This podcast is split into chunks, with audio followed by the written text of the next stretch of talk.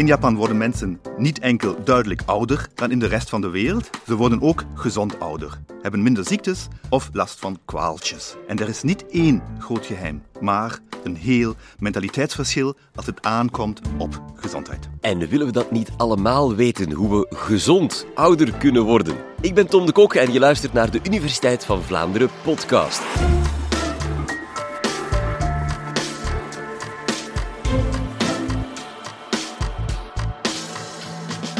Hier bij me in de studio zit professor Andreas Niehaus, die cultuurwetenschapper is aan de UGent. Andreas, wat doet een cultuurwetenschapper de hele dag? Verschillende dingen natuurlijk, maar ik hou me vooral bezig met lichaamscultuur en sport en dan meer beperkt lichaamscultuur en sport in Japan. Ik wil dus echt te weten komen welke betekenis heeft sport in de Japanse cultuur, welke betekenis heeft gezondheid, heeft beweging in de Japanse cultuur. En een stukje daarvan heb je voor ons meegebracht, want je gaat ons het komende kwartier uitleggen wat wij zoal kunnen leren van die Japanners. En daarvoor luisteren we eerst naar dit fragment.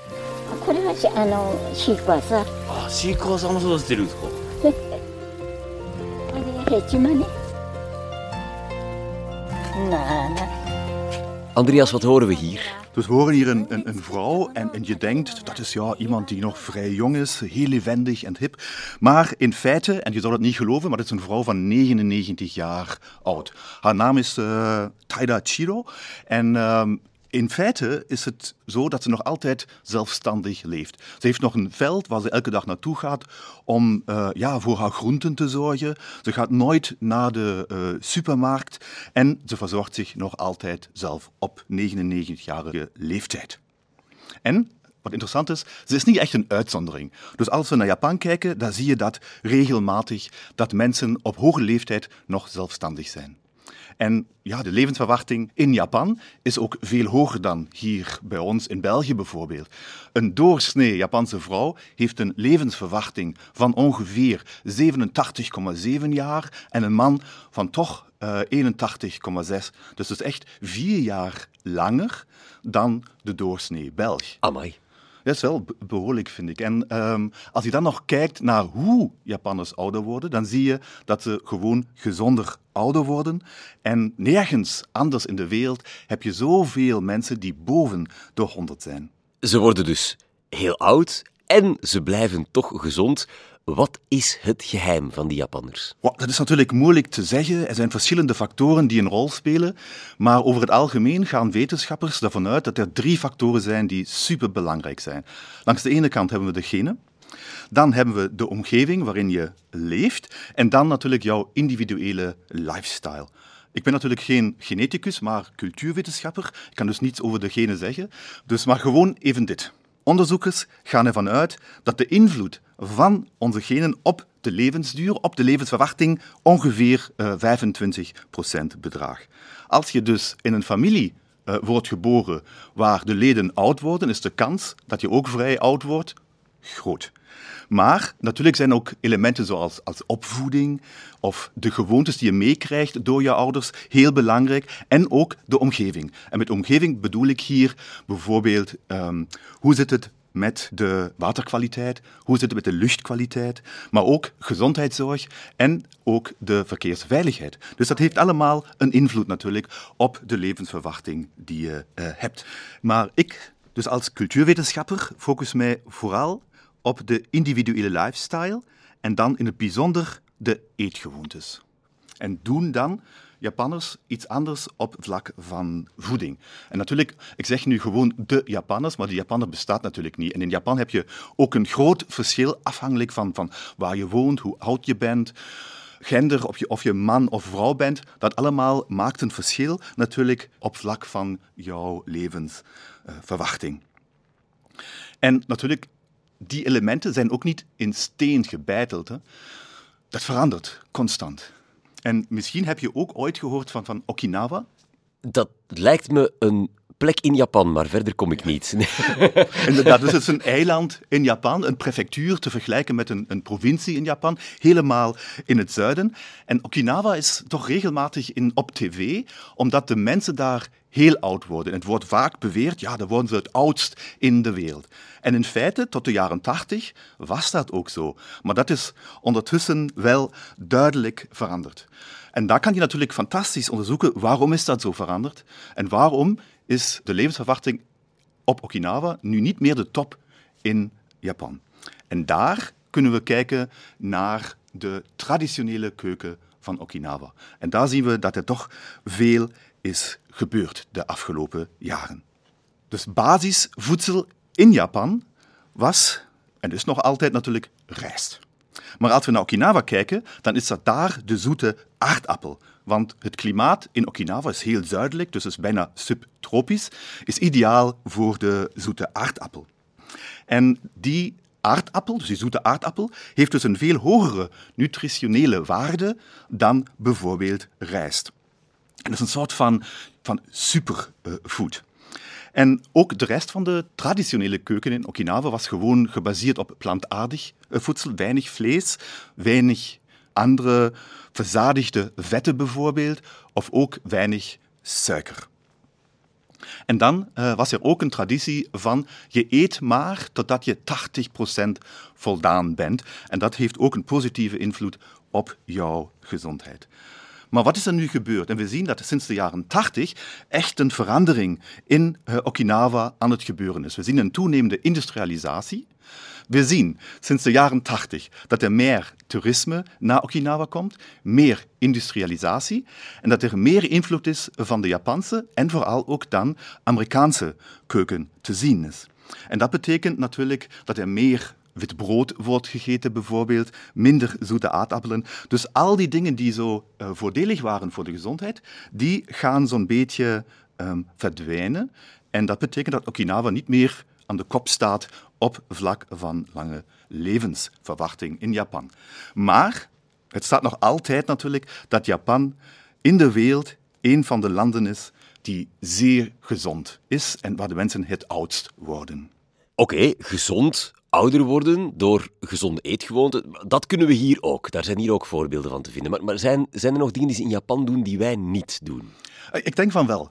Dus je ziet dat er bijvoorbeeld een bepaalde traditie is als het gaat om gezondheid of om oud, ouder en gezond oud worden. En als we daarover spreken, dan is er één naam die daar echt uh, uitsteekt en dat is Kaibara Ekiken. Hij was een opvoeder, een arts een geleerde die leefde in het zuiden van Japan. Dat noemt het eiland Kyushu. En hij leefde zo eind 17e, begin 18e EU. Dus meer dan 300 jaar geleden. En hij heeft tijdens zijn leven ongelooflijk veel geschreven over uh, Confucianistische filosofie, metafysica, topografie, geschiedenis over planten en hun waarde voor het eten en voor de geneeskunde enzovoort. Dus echt moeilijke vakliteratuur die bijna niet te lezen is, uh, zonder uh, bijzonder kennis te hebben over klassiek Japans. Maar daarnaast was hij ook nog een opvoeder en die heeft dus educatieve boeken geschreven voor educatieve doeleinden. Hij heeft dus zelfhulpboeken geschreven. En die zelfhulpboeken waren vooral boeken die je moesten aanleren om gezond te leven. Het was geschreven in een zeer gemakkelijk Japans, zodat bijna iedereen de boeken kon lezen. En een van de boeken is nu heel belangrijk en dat noemt Yo-Jo Kun.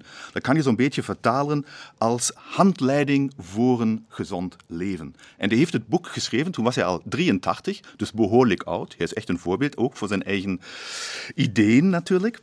En dat boek verscheen dan 1713 en uh, werd direct een, een absolute bestseller. En daardoor krijgen dan ook gewone burgers een idee van, ja, hoe zit mijn lichaam in elkaar? Hoe kan ik een gezond leven leiden en wat moet ik daarvoor doen? En interessant is dat het boek echt zeer veel herdrukken heeft gezien en ook vandaag de dag nog belangrijk is. Dus uh, zeer veel mensen die met zelfhulp bezig zijn, gaan er naar kijken en auteurs gaan citeren wat hij heeft geschreven. Jojo Kun, zei je, een, een boek van 300 jaar oud dat nog altijd gelezen wordt. Je hebt er eentje meegebracht ook. Heb je het zelf ooit gelezen? Ja, ik heb het zelf gelezen. Ik heb zelf met een Duitse collega een vertaling gedaan uh, oh ja. van het boek. En hier zie je een aantal um, edities. En natuurlijk ook voor de moderne Japanner is het moeilijk om dat te lezen. Dus bestaat het in een moderne Japanse vertaling. Maar dan zie je hier ook zo moderne zelfhulpboeken, zoals dit hier. Ja. ja waar gewoon over hem wordt geschreven. Hè? En wat staat erin? Dus in, in feite gaat het over alles wat met het menselijke leven te maken heeft. Hij schrijft over hoe je je tanden moet poetsen, wanneer je moet opstaan, welke positie je moet innemen tijdens het slapen, welke gymnastieke oefeningen je moet doen om gezond te blijven. Dus dat is ja, echt alles wat met het dagelijkse leven te maken heeft. Maar volgens Ekkiken is het belangrijkste element in de gezondheidszorg inderdaad het eten en ons eetpatronen. Zo schrijft hij bijvoorbeeld: ziektes komen door eten naar binnen. Hij gaat daarvan uit dat een gezond voedingspatroon dus niet alleen maar ziektes kan voorkomen, maar in feite je ook ziek kan maken. Dus de keuze van jouw voedsel is heel belangrijk.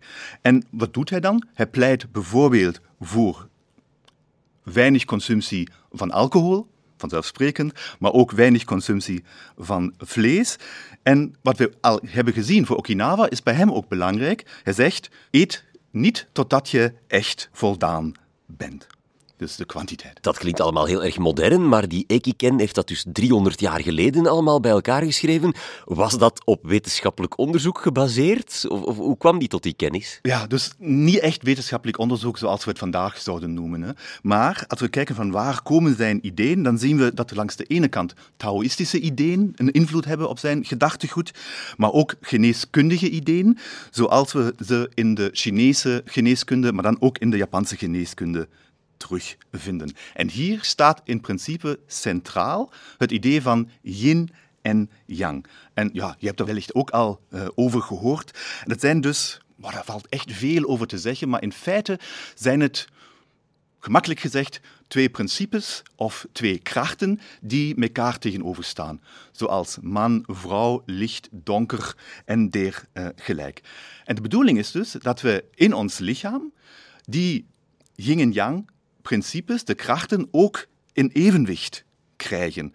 En als er geen evenwicht is in ons lichaam van yin en yang, dan worden wij uh, gewoon ziek. Als we dus iets te veel doen, te veel slapen, of te weinig doen, te weinig slapen, te veel lopen, te weinig lopen, te veel eten, te weinig eten, dan worden we dus ziek.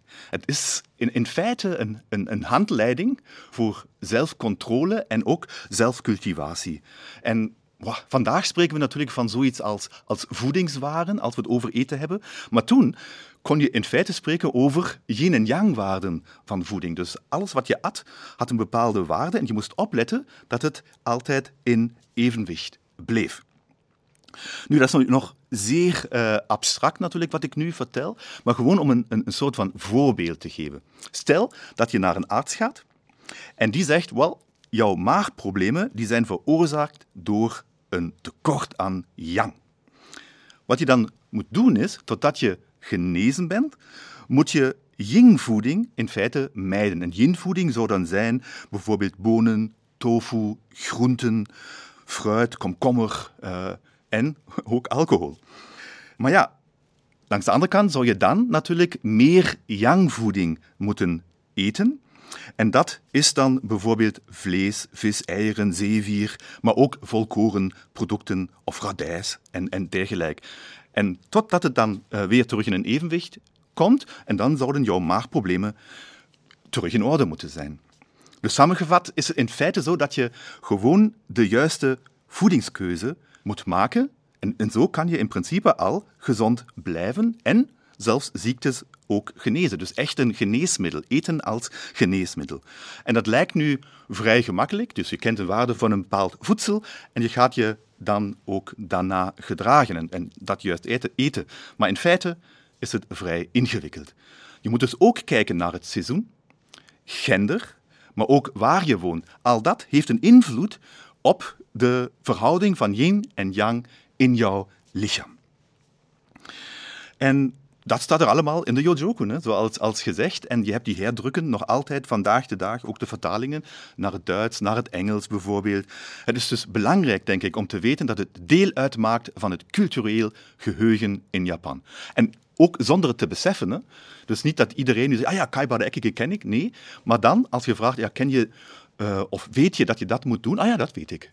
En toch, dat zei je net, gaat het onder westerse invloed uiteraard weer uh, achteruit met die gezonde eetgewoonten. Maken ze zich daar in Japan zorgen over? Ja, zeker weten. En ook de overheid is zich bewust van dat het achteruit gaat met de uh, gezondheid en met die uh, gezonde eetpatronen. En ze hebben daar een, een, voedselprogramma voor opgericht. En dat is gericht echt op, op kinderen al. En vandaag de dag hebben bijna alle uh, lage scholen en lage middelbare scholen hebben een soort van shoku-iku-programma. En shoku-iku betekent voedselprogramma. Shoku is voedsel en iku is opvoeding. En kinderen worden dus verplicht op school te eten. Dat is dus een, een, een vast schoollunch. En dus niet maar zo een lunch, maar een lunch dat wordt samengesteld door voedselexperts, die dus een evenwichtige samenstelling ambiëren. En kinderen zijn dus niet alleen maar passief aan het eten, maar ze worden actief betrokken bij het verhaal. Dus ze scheppen het eten op en leren dan ook de betekenis van een maaltijd en de hoeveelheid van een maaltijd uh, uh, kennen. Ze leren om, om gezonde eetgewoontes te maken en te ontwikkelen, zoals bijvoorbeeld nooit ontbijt te overslaan of samen met de familie en vrienden te eten, langzaam te eten of ook goed te kauwen bijvoorbeeld. Dan wordt er veel aandacht besteed aan lokale producten en ook voor de uh, traditionele keuken te kiezen in plaats van gewoon uh, fast food. En interessant is ook, al die info is beschikbaar op kindermaat, dus met veel kleurtjes en prentjes en ezelsbruggetjes, om die voedingsregels te kunnen onthouden. Als, als, voorbeeld schiet men nu binnen Mago wa yasashi des, betekent zoveel als kleinkinderen zijn lief. Maar in deze zin staat elke van de lettergrepen in principe voor een onderdeel van een maaltijd. Bijvoorbeeld die ma van mago staat voor mame, dus bonen. En die go van mago staat dan weer voor goma, en dat is sesam. En wa staat voor wakame, en dat is dan zeewier. Dus op deze manier kunnen kinderen die onderdelen van een maaltijd gemakkelijk onthouden. Ja, en zo hebben wij weer een mondje Japans bijgeleerd. Eh, je hebt ook uh, een, een, fantastisch uitziende restaurantmaaltijd meegebracht. Is dat dan zo'n schoollunch? Ja, dat is wel uh, representatief, denk wow. ik, voor zo'n schoollunch. Knap. Ja. Dus als je, als je kijkt van, van de, de handleidingen die um, het programma meegeeft, dan zien we dat er, zoals hier ook, een, basisgerecht is, rijst. Dan met een hoofdschotel, zoals vis, die hebben we hier ook gekozen. Of natuurlijk ook vlees of, of sojabonen. En dan een bijgericht uit bijvoorbeeld hier miso, soep, maar dan ook groenten, paddenstoelen, zeewier zie je hier ook. En dan aardappelen, zeker ook fruit van het seizoen. En dan ook een zuivelproduct, zoals als melk, als snack maar ja, en als luisteraar zie je misschien nu in jouw hoofd een soort van grote schotel, maar in feite zijn het allemaal kleine schoteltjes met kleine hoeveelheden van eten. Dus geen groot stuk vlees, geen groot stuk vis of dergelijke op één bord. Ja, het is niet zoals bij ons een bord met stoemp en worst en een schep groenten, maar het wordt echt heel mooi, keurig opgediend in van die kleine Japanse potjes. Prachtig. Dit zou ik ook wel willen als lunch. Proef eens, hè. Ik ga een klein stukje proeven. Mm. Ja, lekker. Ah ja, ja, wauw. Dit zou bij mij gewerkt hebben in mijn kindertijd. Bij mij zeker ook, moet ik toegeven. Dus uh, ja, ik vind het super lekker. Dus ze krijgen de gezonde eetgewoonte letterlijk met de paplepel ingelepeld. Of met de stokjes. Ja. ja, maar als we dus echt vragen, nog eens teruggaan naar het begin van um, ons gesprek. En, en is er een geheim dat verklaart waarom Japanners zo oud worden en waarom ze zo gezond oud worden? Wel, zoals gezegd, er zijn verschillende factoren die bijdragen tot het ouder worden of het uh, lang leven van de Japanners en, en die daar dus echt een, een invloed op hebben op de levensverwachting. Maar wat we zeker kunnen zeggen, dat is dan nu vanuit mijn standpunt als, als cultuurwetenschapper is, is dat de, de keuken en het bestaan van een traditie omtrent gezondheidszorg waarin dan voedsel een belangrijke rol speelt, zeer belangrijk is. En dat het voedselprogramma dat er nu vandaag de dag bestaat, en dat helpt om gezonde eetgewoontes te ontwikkelen, een zeer grote rol speelt. En misschien om toch nog met een advies van, van Kaibara Ekiken eh, af te sluiten. Hij zegt dus, eten en drinken in mate voedt het lichaam. Dankjewel, Andreas Niehaus. Ik ben alvast geïnspireerd om het zelf ook eens uit te proberen. Wil jij meer weten over Japanse cultuur? Beluister dan zeker podcast nummer 328, waarin Andreas en ik het hebben over de samurai en of die echt bestaan hebben. Of ga naar podcast nummer 101. Daarin hoor je of je supermarkt sushi wel echt sushi mag noemen. Heel graag tot daar of tot een volgende keer.